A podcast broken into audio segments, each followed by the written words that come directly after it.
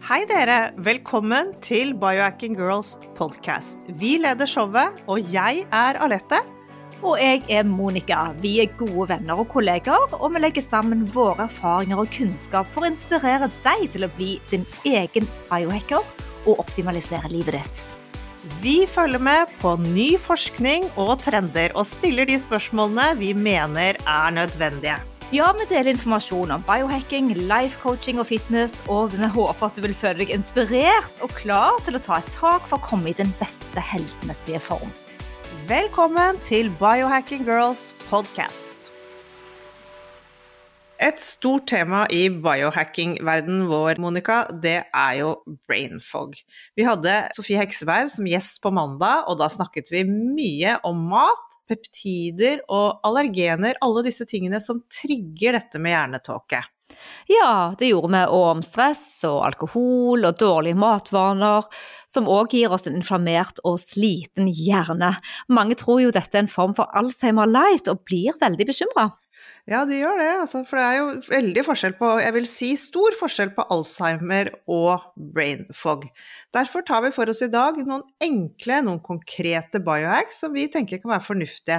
Selvsagt i tillegg til alt det banebrytende arbeidet som disse heksebergene gjør med å kartlegge, teste og legge planer. De får mange folk friske, og de er skikkelig inspirerende. Ja, velkommen til en miniepisode om brainfog sett fra en biohackers ståsted. Ja, du kan jo bare endre det du kan måle, og dette gjelder òg for hjernehelsen vår. Så noen tester de er viktige, og alle de som går på peptider og intoleranse, de kan bestilles på Lab1, og de snakket vi om med Sofie Hekseberg. Og I tillegg til blodprøver som viser tyroid og vitamin D f.eks. Alt dette henger sammen. Dette er metabolismen vår, hormonene og selvsagt den maten vi inntar, som kan gi oss disse rare og udefinerte symptomene. Og de er ganske vage, og mange føler både fatigue og humørsvingninger. De føler ukonsentrerthet og til og med humørsvingninger. Mm. Ja, det er, ikke, det er, ikke, gøy, og det er ingen helt klar oppskrift på tester man bør eller som må tas for brain frog. For dette er jo ikke en helse, altså, ut, altså ikke en medisinsk tilstand. Men det er eh, ikke alle som trenger de samme analysene heller, og det må man være klar over. For det er jo veldig dyrt når man skal gå i gang med å teste absolutt alt. Så ofte må man spørre seg selv om prøver som er litt utenfor standarden hos fastlegen, fordi det er ofte ikke de funker så godt. Derfor er vi glad i å gå på lab 1, hvor de vil ta alle testene for oss. Ja, men før vi går inn i alle testene, så la oss se litt på hva brain fog er. Det er som du sa, Lette, ingen medisinsk tilstand. Det er en kognitiv dysfunksjon, altså noe som ikke funker. Det gir problemer med å huske, det gir problemer med å konsentrere seg, og det gir problemer med å fokusere. Ja, det er en følelse av en slags mental utmattelse som påvirker alt i livet fra jobb, skole og sosiale plikter. Men fortvil ikke, brain fog kan jo faktisk fikses, men man må alltid se etter om det er noen underliggende årsaker først. Ja, så da går vi rett på hva som egentlig skyldes eh, brain fog og de underliggende årsakene. Og det er jo først og fremst å snakke om det, det kjedsommelige, det er maten vi spiser. Så her må man bare oppsummere litt, siden dette er nummer én fokus for biohackere. Spiser du dårlig prosessert mat eller har uoppdagte intoleranser, allergier, så kan du få hjernetåke. Og disse kan trigges av melk, egg, nøtter, frø og en del andre kunstige tilsetninger som finnes i prosessert mat. Bare det med aspartam, for eksempel og ved å fjerne de triggerne, så kan tåken lette og livet bli litt bedre. Og vi kommer jo ikke unna dette med stress. Kronisk stress kan øke blodtrykket og svekke immunsystemet vårt. Stress kan også gi symptomer på depresjoner og uro, og resultere i en slags mental utmattelse. Når hjernen er sliten og kanskje inflammert, er det vanskeligere å tenke, det å være rasjonell, forstå og tillegge seg informasjon, og fokusere på dette.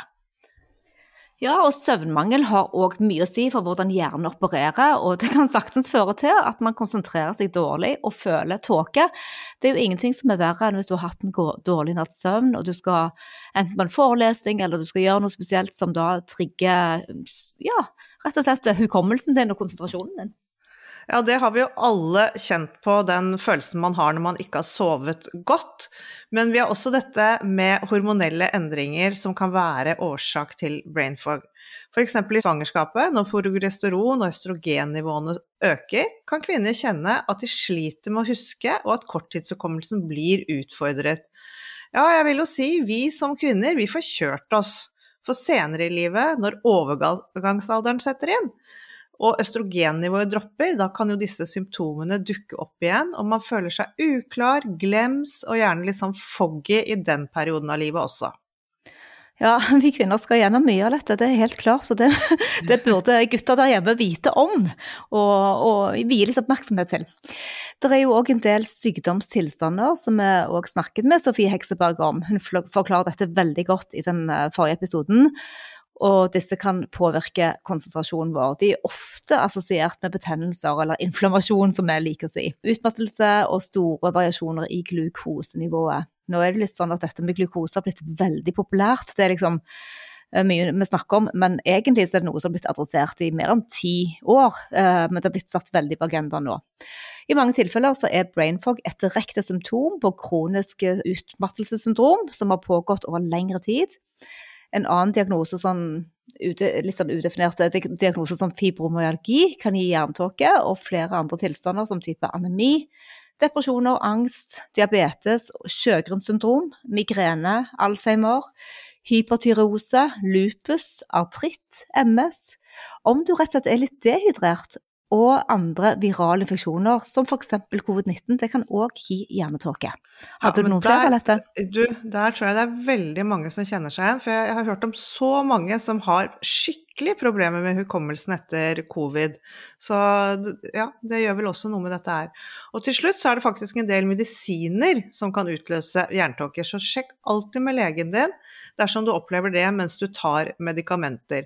Det er veldig ofte at man ikke får beskjed om disse bivirkningene. Da kan man f.eks. senke dosen eller forsøke andre medisiner for å se om symptomene blir bedre.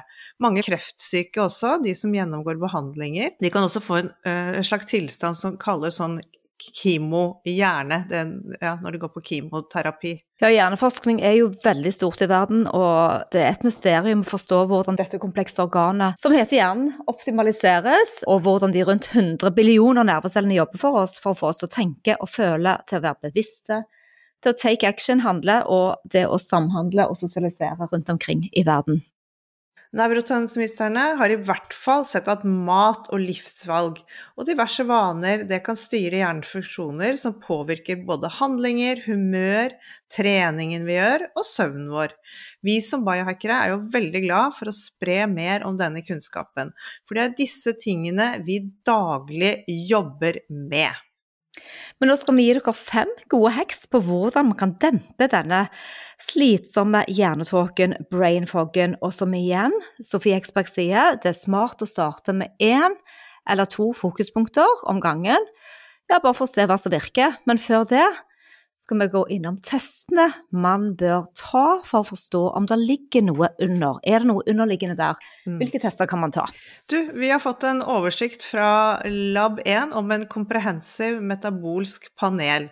Du, og disse koster sånn ca. 100 kroner stykk å ta. Og vi kan gjøre glukosetest, kalsium, natrium, kalium, klorid, albumin, protein, totalproteinet, alkalisk fosfatfase, bilirubin, urinstoff og urinsyre. Og så er det fint å ta kreatin. Der nå er vi oppe i 150 kroner stykket. ASAT og ALAT. Det anbefaler eh, Lab1 som en sånn base å Når vi skal sjekke eh, uh, brain fog. Så dette er da et omfattende metabolsk panel. Vi vil måle blodsukker, elektrolytter og andre prøver som viser væskebalanse og blodgjennomstrømminger. Dette er fordi det høye blodsukkeret er gift for hjernens funksjoner, og det kan øke risikoen vår for Alzheimer. En slik test viser også om du har tilstrekkelig med elektrolytter og væskebalanse for optimal kognitiv funksjon. Denne testen kan også vise forskjellige blodproteiner knyttet til nyre- og leverfunksjon. Alt dette er kjempeviktig å vite. Ja, fastende glukose som måler mengder glukose, altså blodsukker i blodet i arteriene etter ca. åtte timers faste. Det er en viktig markør for å sikre god hjernehelse, for det er høyt blodsukker, eller forhøyet blodsukker, og insulinresistens og øker risikoen for Alzheimer, ofte referert til som type 3-diabetes. Ja, det henger sammen. En annen test, hemoglobin A1C, denne måler hvor mye sukker som tilknyttet de røde blodcellene. Det viser ditt gjennomsnittlige glukosenivå de siste tre månedene. Denne er viktig for å kartlegge om du er disponert for diabetes, og dette er særlig viktig etter at du har passert 45 år, om du er overvektig og om du er en som ikke trener. Vi har òg dette lipidpanelet. Dette er rett og slett for å sjekke fett og kolesterol, og dette inkluderer da totalkolesterolet, HDL, LDL og triglycerider. Og vi ønsker å ha et godt bilde av dette fordi hjernen trenger ren blodtilførsel, oksygen og næring. Mm. Så har vi C Reactive Protein Test, CRP. Det er en substans produsert av leveren vår når kroppen kjemper med en inflammasjon. Testen viser nivåene av CRP i blodet. Inflammasjon i blodet det senker den kognitive funksjonen og øker risikoen for mange sykdommer. Man kan også spørre etter en high sensitivity CRP-test for å sjekke risiko for hjertesykdommer. D-vitamin er veldig viktig å teste, fordi for lave nivå kan øke betennelser i kroppen. og på den måten òg øker sjansen for diabetes og kreft. Og D-vitamin stimulerer òg immuniteten, sånn at uh, den kan gjøre jobben med å rense oppbygning av amyloidplakk, som da kan lede til demens og Alzheimer. Så D-vitamin er en superviktig uh, test å ta og ha et bilde av, og egentlig årlig sjekke dette. Mm, det er kjempelurt. Hvor tidligere man oppdager det, jo bedre er det. Og vi, vi er jo veldig også fan av å få tatt et skikkelig hormonpanel. Du kan sjekke kjønnshormoner, østrogen, progesteron, FSH, testosteronene og DHEA. Det er mange faktorer som spiller inn og forstyrrer hormonbalansen våre. Både mat, toksiner, giftstoffer selvfølgelig. Ja. En ubalanse her, dette kan lede til betennelse i hjernen, celleskader, og det kan påvirke den kognitive funksjonen vår Absolutt. Ja, og da kan man jo ta tester der på lab 1, som da De har en spyttprøve der ute, men uh, vi er jo veldig fan av Dutch-testen, som òg kan tas. Så send oss gjerne en melding hvis dere lurer på hvem som leser resultatene på Dutch-testen. Vi har en del kontakter på det. Mm. Tyroid, uh, tyroidpanel for å sjekke hvor god tyroiden virker, eller om det er ubalanser.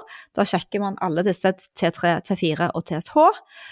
Er nivåene for lave, så kan det utfordre hukommelsen og evne til å fokusere, og samtidig øke risiko for depresjon, for eh, at du går opp i vekt, eh, humøret ditt endres, at du kan bli utmattet. Mens høye nivå de leder til vekttap og økt hjerterytme, svette og irritabilitet. Så det er veldig viktig å vite hvor du står. Mm. Og rådet vårt her er at du først går til fastlegen din og spør om disse prøvene. Og det er jo ikke sikkert at de vil ta alle disse testene, eller at du vil ta alle disse testene.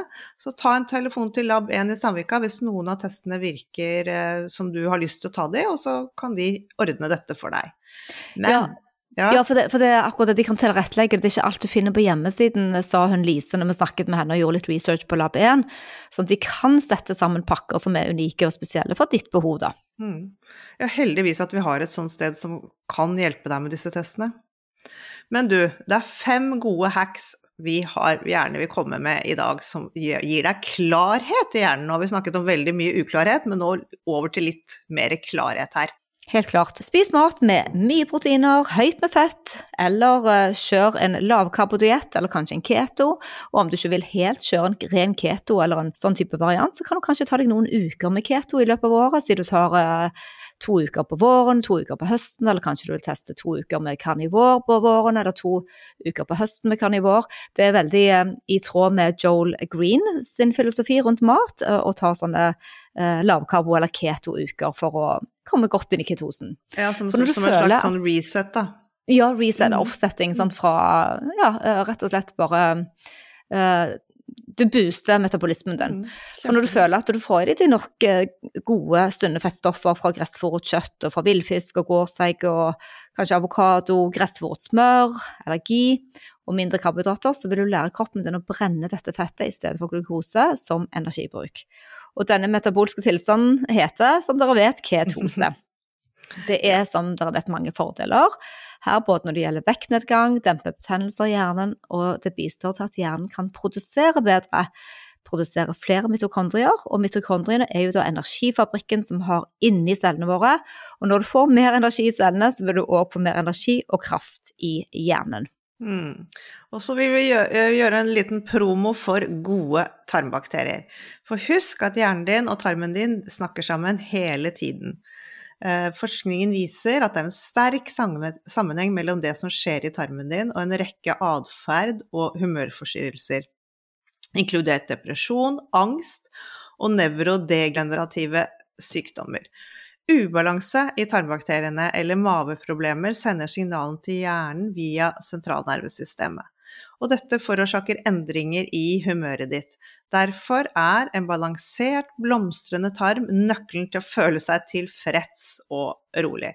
Og dette kan du da gjøre hjemme, enkelt og greit. Den beste måten å fikse tarmen på, er å slutte med sukker og spise en diett full av lavtoksinsmat og gjerne antiinflamatorisk. Du tror kanskje at du gjør din tarm og kropp en tjeneste ved å ta probiotikatilskudd, men de vanligste probiotiske stammene kan forårsake hjernetåke, faktisk.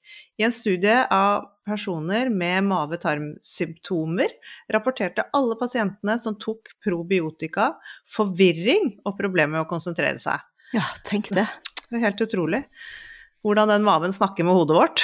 Så Ja. bør du kaste probiotikatilskuddene dine? Hm, ja, det kommer vel litt an på.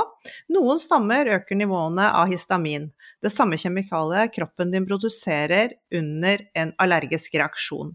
Og for mye histamin det forårsaker faktisk betennelse i kroppen.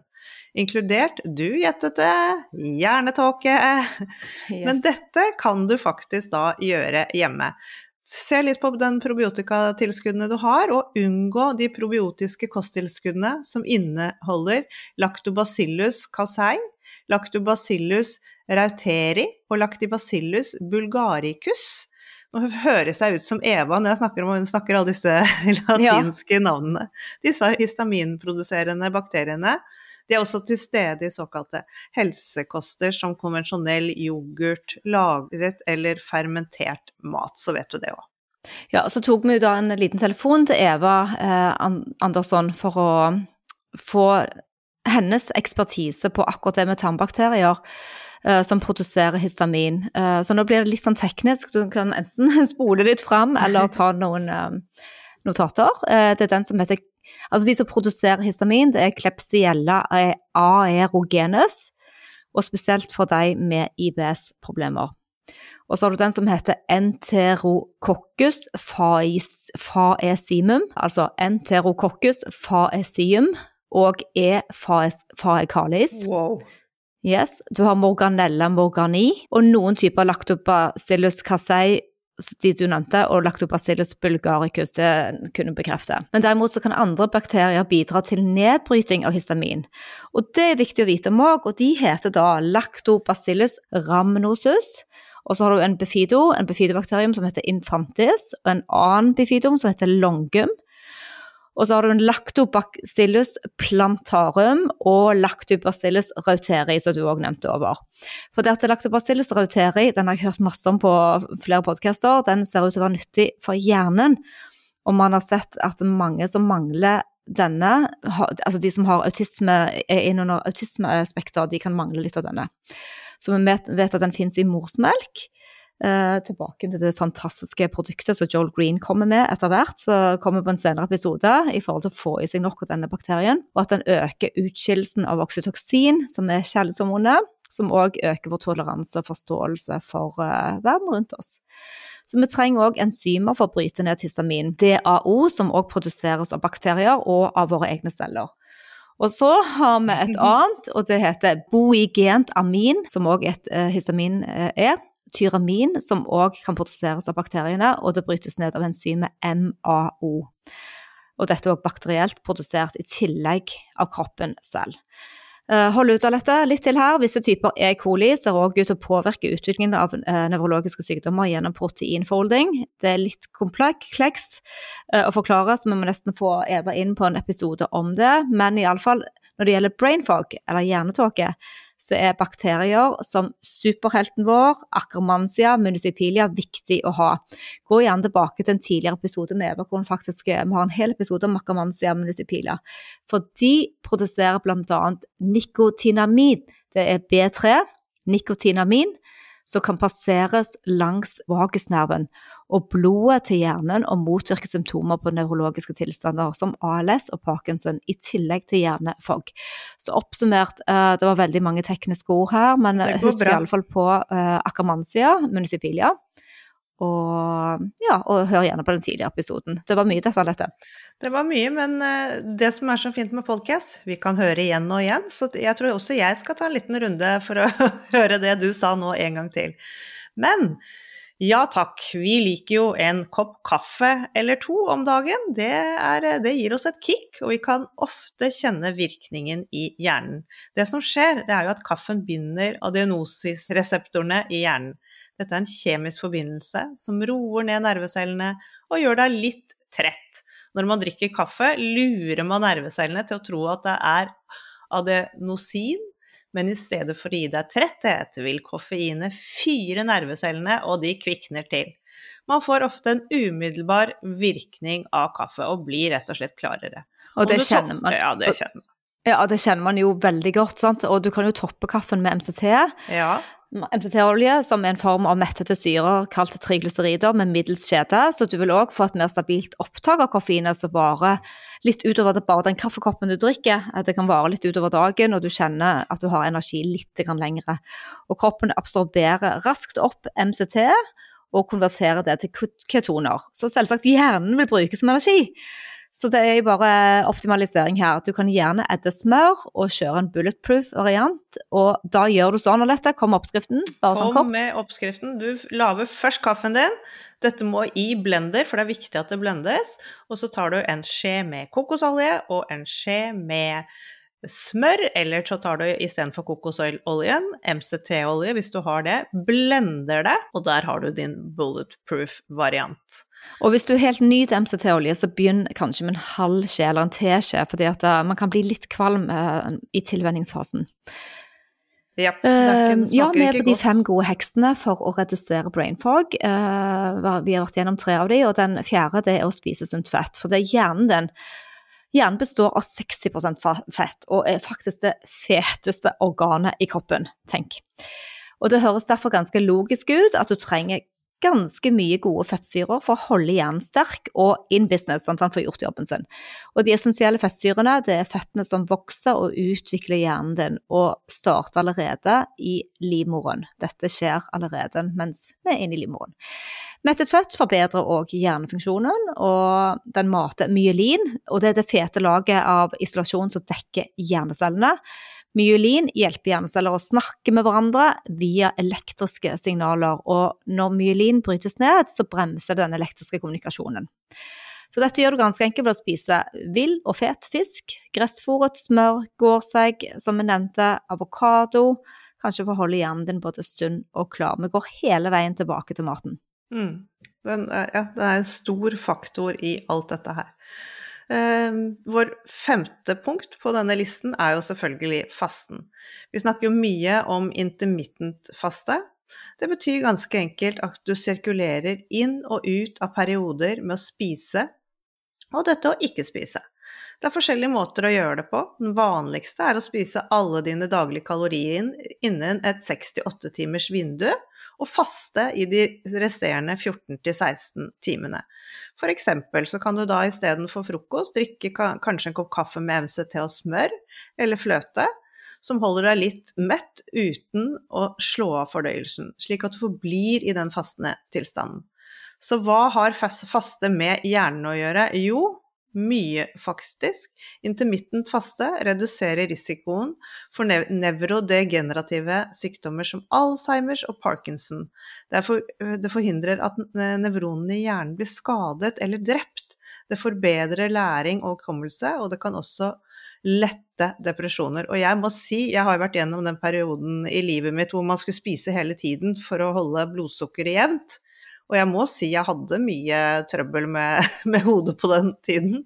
Jeg var mye i brain fog da, når jeg, når jeg tenker hardt tilbake på det. Ja, og så syns jeg òg at etter vi hadde doktor Mindy Pels på podkasten, og vi lærte mer om, eh, om, faste og ja, alle de effektene det har på, på konsentrasjonen vår og klarheten vår, så, så, har jeg fått et litt nytt bilde på faste. Så gå gjerne tilbake og hør den episoden òg. Og vi kan jo si det nå, siden det er akkurat offisielt denne uken, at dr. Mindy Pels er jo en av trekkplasterne våre til Biohacking Weekend hun skal forelese, så det blir kjempespennende. Men Alette, la oss gå tilbake litt til stress. Ja, la oss gjøre det. For litt stress, det kan være bra. Det setter deg inn i et slags handlingsmodus og hjelper deg med å sette i gang prosjekter og utføre planlagte ting. Men når følelsen av stress og angst eskalerer, er det nesten umulig å fokusere på oppgavene du har foran deg. Nervesystemet ditt utløses, og kroppen din begynner å pumpe ut kortisol, dette stresshormonet ditt. Dette får oppmerksomheten din til å spre seg, og du vil få problemer med å konsentrere deg. Det er mange måter å roe sinnet slik at du kan føle deg bra og få gjort mer. Vi har bl.a. meditasjon. Det er et knalltips for å eh, redusere stress. Pusteøvelser går litt inn i dette med meditasjonen. Og så har vi åtte supplementer som faktisk kan dempe brain fog. Disse er morsomme. Ja, de er kjempemorsomme. Og jeg tenkte også på, vi snakket om testing i stad med hormoner. Og det er jo akkurat dette, det er jo en del av det. Sant? Fordi at eh, vi vil gjerne skjønne kortisolspraksene våre eh, eh, på morgenen og utover dagen. Så, så, når vi får et litt bedre bilde av det, så er det òg lettere å se hvordan disse heksene våre eh, virker. For vi gjentar jo veldig mye av det samme med meditasjon, pusteteknikk og alt dette. Men så er det tilbake til det vi sa, at eh, du må på en måte måle de tingene som du skal forbedre. Men vi har iallfall en fin liste eh, med supplementer som kan dempe brain fog. En av mine favoritter, eh, da er ikke det nødvendigvis på brain fog, men det, jeg bruker det ja, for å finne litt mer ro og klarhet, og det er GABA. GABA aminobutyric acid. Det er en nevrotransmitter som beroliger nerv, eh, nerveaktiviteten og senker uh, uro og angst. Og for å øke GABA-nivået naturlig, så kan du ta 400 mg magnesium før sengetid. Magnesium er da et essensielt mineral som regulerer GABA-aktiveringen over det meste av hjernen din.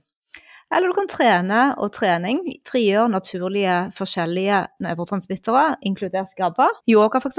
kan øke GABA-signaliseringen til hjernen din. Mm. Du kan også ta GABA som tilskudd, ikke sant? Det har du gjort en del? Ja, så det har jeg en som er sånn sublingual, så du tar under tungen. Men jeg tar ofte også kanskje 750 mg på kvelden før jeg legger meg. Uh, ja, litt sånn periodevis. Mm. Så det syns jeg er fint. Uh, ja. ja. Og så har vi L-teanin. Vi liker godt å bruke smart drugs som nootropics. Dette er komponenter som kan øke hjernefunksjonen vår. L-teanin er særdeles godt for å øke mental klarhet og våkenhet. Den finner du gjerne i grønn og sort te. Drikk gjerne et par kopper daglig for å få en skikkelig boost. Og for en enda sterkere effekt kan du gjøre dette biohacket. Ta 200 mg av et godt kvalitets L-teanin sammen med kaffen din. Kombinasjonen er super for å øke både minne- og reaksjonstiden din. L-teanin er en forbindelse som er konsentrert i grønn te og andre plater. Plater, nå skal du høre. Andre planter, som sagt. Og noen studier tyder på at det å ta L-teanintilskudd, det kan bidra til å forbedre mental årvåkenhet, reaksjonstid og hukommelse. Det sier vi ja takk til. mm. ja. Nei, altså Det har jo vært en studie på 69 voksne eh, fra alder 50 til 70 eh, ca. Eh, de fant at en enkelt dose på 100 mg med L-ternin forbedret reaksjonstiden og arbeidsminnet på kognitive tester. Nå skal det sies, Når de gjør sånne type undersøkelser, så er det jo selvfølgelig veldig individuelt, og det kan ikke satt i sammenheng med både kost og trening. Men L-ternintilskuddet kan òg kan redusere spenninger og forbedre ro og avslapning. Men jeg liker veldig godt det hekket med kaffe. Eh, men det har òg vært en liten studie på at 200 mg tannin kan redusere stressrelaterte symptomer, forbedre søvn og visse aspekter av kognitiv helse. Ja, for da har de gjort dette i sammenheng med en placebo-gruppe. Så den gruppen som hadde real eh, dose med L-tannin, de eh, fikk det bedre. Så altså å redusere stress, forbedre søvnkvaliteten og støtte denne kognitive helsen, alt dette kan bidra til å lindre hjernetåken. Vi skal over på et annet eh, eh tema, holdt jeg på å si. Eh, mm. Oxaloacetat. Yes. Oksaloacetat. Yep. Når du er stresset eller utsatt for miljøgifter, som er stadig, er, det er helt ukontrollerbart i drikkevannet vårt, i produkter, men da pumper hjernen din ut noe som heter glutamat. Er det de viktigste nevrotransmitterne som hjelper hjernecellene dine med å kommunisere med hverandre. Hjernen din trenger glutamat, men for mye av dette blokkerer de elektriske signalene som da er forårsaket av giftig oppbygning i hjernen. Rett og slett så får gift i hjernen din, og det dreper de omkringliggende hjernecellene. En forbindelse kalt oxaloacetat Du fikk du deg litt mer? Ja, oxaloacetat. Det senker nivået av glutamat i hjernen. Så det er òg gjort en studie her som eh, beskyttet oxalotat i hjernen til rotter fra glutamatskader. Så det du kan gjøre da, du kan ta oxalocetat ved å spise mat som har mengder av det. Eh, eller så kan du ta et supplement i små doser, og den beste måten er da å kanskje ta 100 mg daglig. Du kan kjøpe iHerb. Eh, men det fins veldig mye mat som har oksatolacetat i seg. Så det er kanskje greit å begynne med mat først. Næringsstoff som er nødvendig for immunsystemets funksjon, hjerne, helse og mye mer. Å ha lave eller mangelfulle D-vitaminnivåer, det, det vet vi påvirker kognitiv helse negativt og vil bidra til hjernetåkesymptomer. Så personer som har depresjon eller depressive symptomer, opplever ofte hjernetåkesymptomer som dårlig konsentrasjon og dette med hukommelsen blir dårligere. Personer med depresjon er også mer sannsynlig å ha mangler i næringsstoffer, inkludert vitamin D. Dette er det jo gjort masse, masse forskning på, faktisk.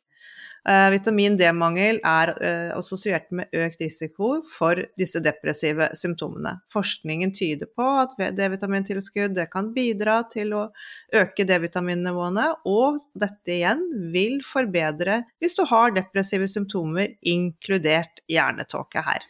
Ja, og da tilbake til at vi bor i et land som har veldig eh, ja, lang, mange måneder med mørketid. Det er jo alltid det beste å få dette D-vitaminet fra sollyset. Uh, via øynene våre og via huden. Men, uh, men, det er ikke alltid man kan, så da er det fint å ha tilskudd. Uh, fordi at det kan Tilskuddet kan forbedre den generelle mentale helsen, som da inkluderer både humør, negative tanker og symptom på både angst og depresjon hos visse personer. Og det tyder på at tilskudd kan lindre hjernetåken, iallfall i en viss grad. Men vi har også funnet en liten studie uh, av 42 postmenopausal kvinner som hadde lavt D-vitamin. Uh, og når de begynte å tilsette med 2000 internasjonale units bare per dag, i ett år så presterte de bedre i læring og hukommelse på de testene. Uh, bedre enn de som tok litt større doser. Så det var en lavdose her med tilskudd på den gruppen der. Ja, det var litt interessant. Ja, det er faktisk interessant. Det er ikke alltid den høyeste dosen som Nei. er det beste. Så må man jo òg da prøve litt selv, teste litt selv, eh, og ta blodanalyser for å se hvordan det funker. Men det viktigste er jo å kjenne litt etter. Vil det testene av disse supplementene faktisk uh, redusere min hjernetåke? En ting som er helt klart uh, forsket mye på, er omega-3 omega-3-fettsyrer, som er kjent for de imponerende effektene de har på helsen vår. Vi elsker jo det. Å ta konsentrerte tilskudd kan være fordel både for hjernens helse og, og forbedre mange symptomer av hjernetåke. Og dette går på oppmerksomhet, det går på hukommelse, konsentrasjon når du leser. Og studier viser at, at omega-3-fettsyrene EPA og DHA det er de som støtter hjernens helse. Og de inkluderer hukommelse og både humør og oppmerksomhet. Mm.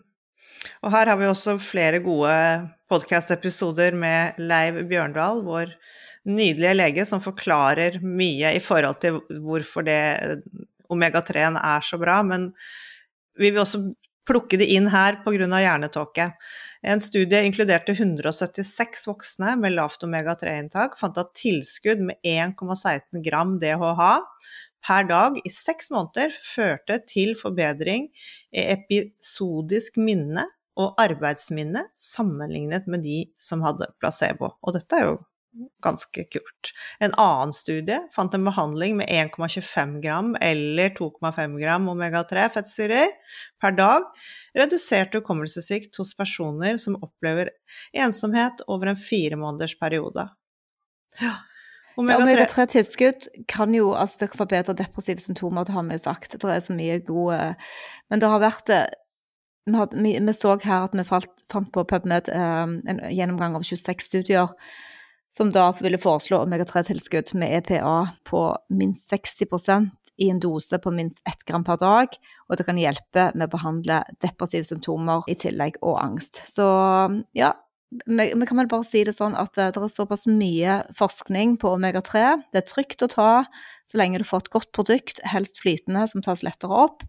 Uh, for det vil ha noe å si for uh, både hukommelse og konsentrasjon og ja, mm. humøret ditt. Mm.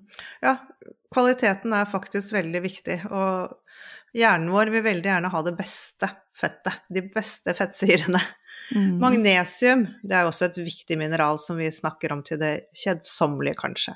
Det er konsentrert i matvarer som bønner, frø og spinat. Det er nødvendig for veldig mange viktige kroppsfunksjoner, som enzymatiske reaksjoner, energiproduksjon, nervefunksjoner og blodtrykksregulerer.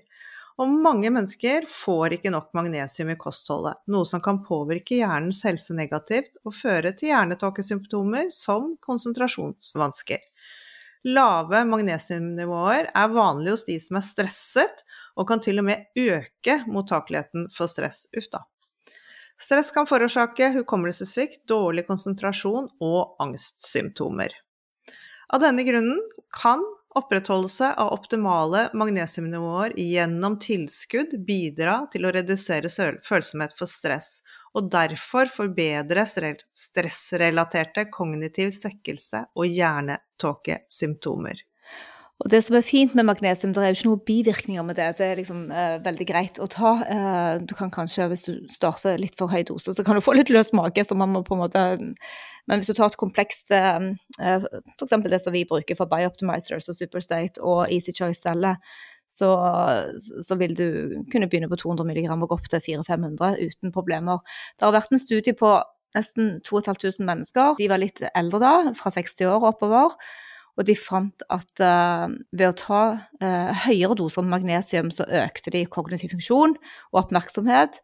Og det vil òg da si lavere risiko for å utvikle svikt, altså en kognitiv svikt, uh, med disse sykdommene enn med lavere magnesiumnivå. Så der igjen, det er litt vanskelig å måle magnesium. man må på en måte gjøre en intracellulær prøve for å se det. Men noen undersøkelser tyder på at eh, tilskudd kan bidra til å behandle symptomer både på angst og depresjon, det går igjen, og symptomer som er relatert uh, til hjernetåke og psykiske helsetilstander. Mm. Og så har vi vitamin C, da. Det er jo som sagt, eller det er som vi vet kanskje, kjent for sin rolle i immunhelsen vår. Men dette næringsstoffet støtter også mange andre viktige funksjoner i kroppen, inkludert hjernehelsen vår. I en studie som inkluderte 80 friske voksne, fant at de med tilstrekkelige bolonivåer av vitamin C presterte betydelig bedre i tester som vurderte hukommelse, oppmerksomhet, reaksjonstid og fokus enn de med lavere vitamin C-status. Og Her òg har vi en studie på 140 unge menn som fant at høyere CVT-nivå var assosiert med bedre humør og lavere forekomst av depresjon og forvirring. Og Dessuten så antyder en annen fersk studie at vitamin C-tilskudd kan forbedre humøret hos folk med subklinisk depresjon, noe som kan forbedre kognitiv ytelse.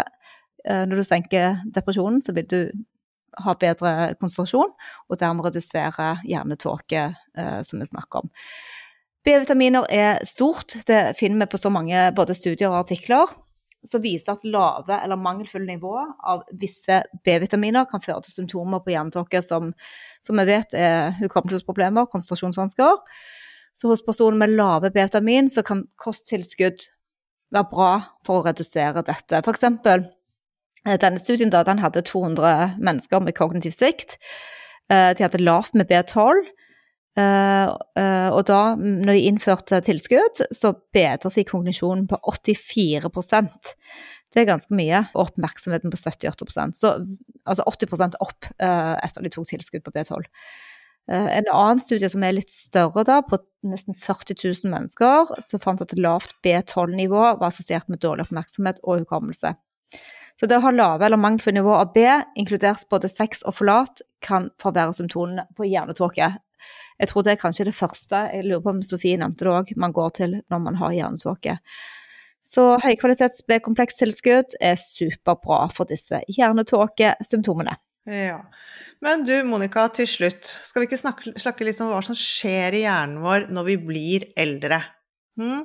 Jo, det er veldig fint, for det skal vi bli alle sammen. Det skal vi. Som med alle organer i kroppen, de eldes over tid. Slik er det også med hjernen vår. Og når vi blir eldre, strømmer mindre blod til hjernen, nevronene våre krymper, og vi har mindre hjernevolum igjen.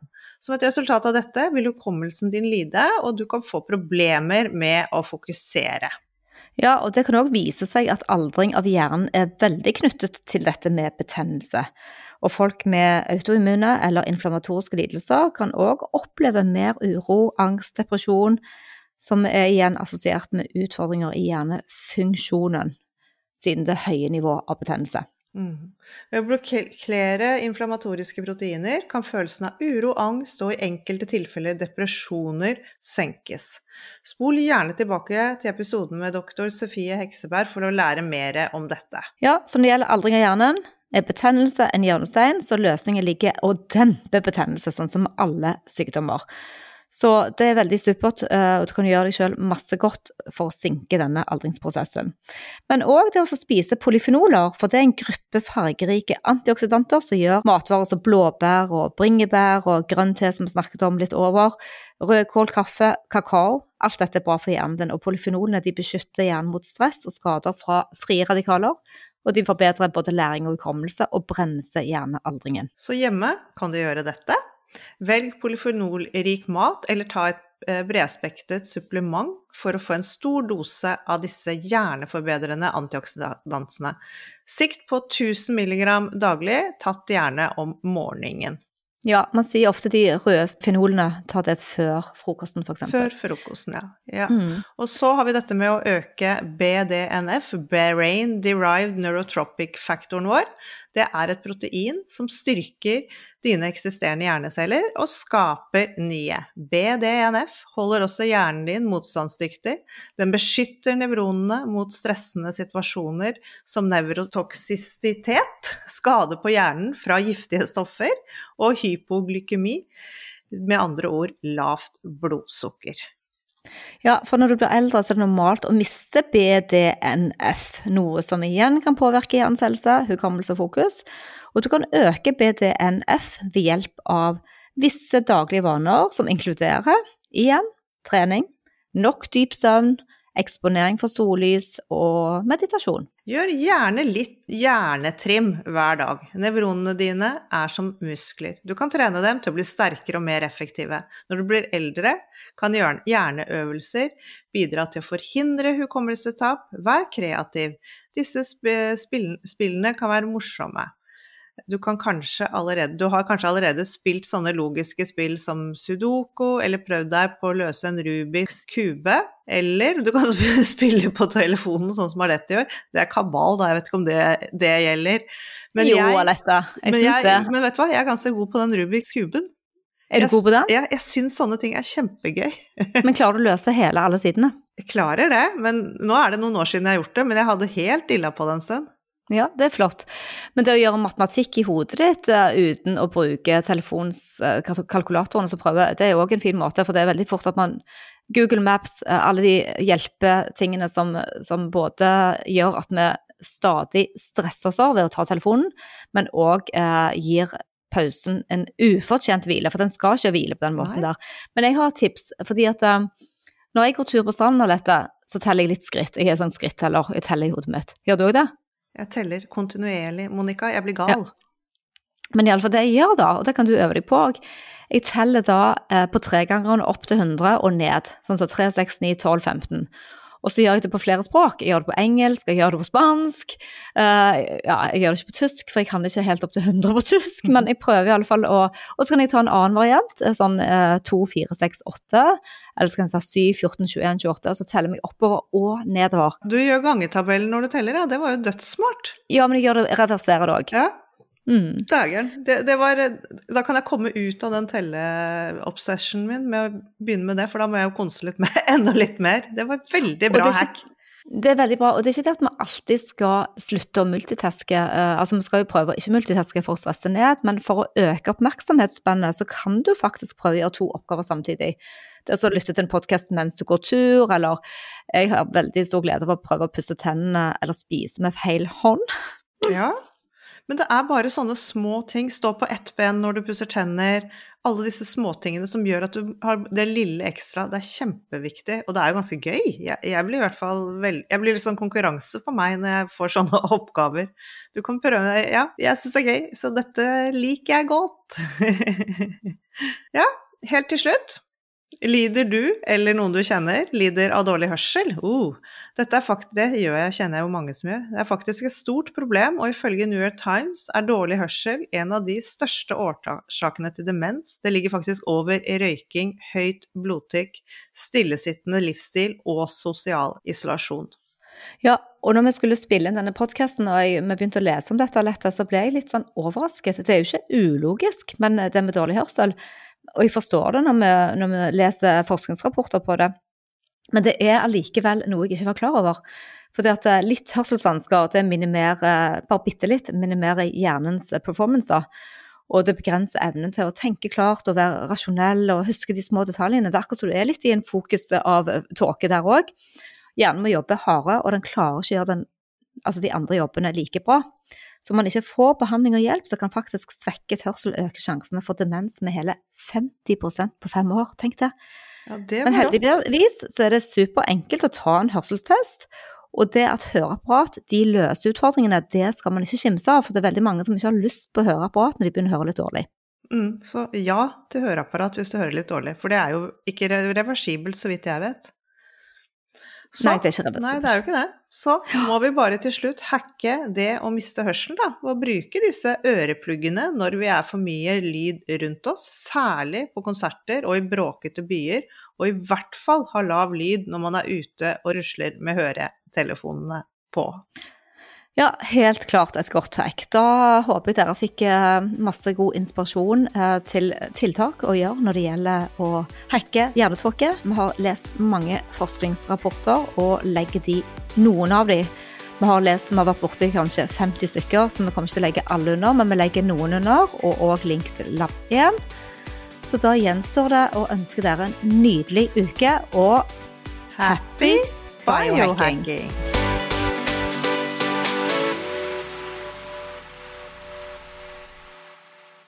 Vi minner om at dere må snakke med egen lege eller kostholdsveileder om dietter og andre spørsmål relatert til medisiner og supplementer. Informasjon vi deler, kan ikke bli brukt til å diagnostisere, behandle, forebygge eller kurere noen sykdommer eller tilstander.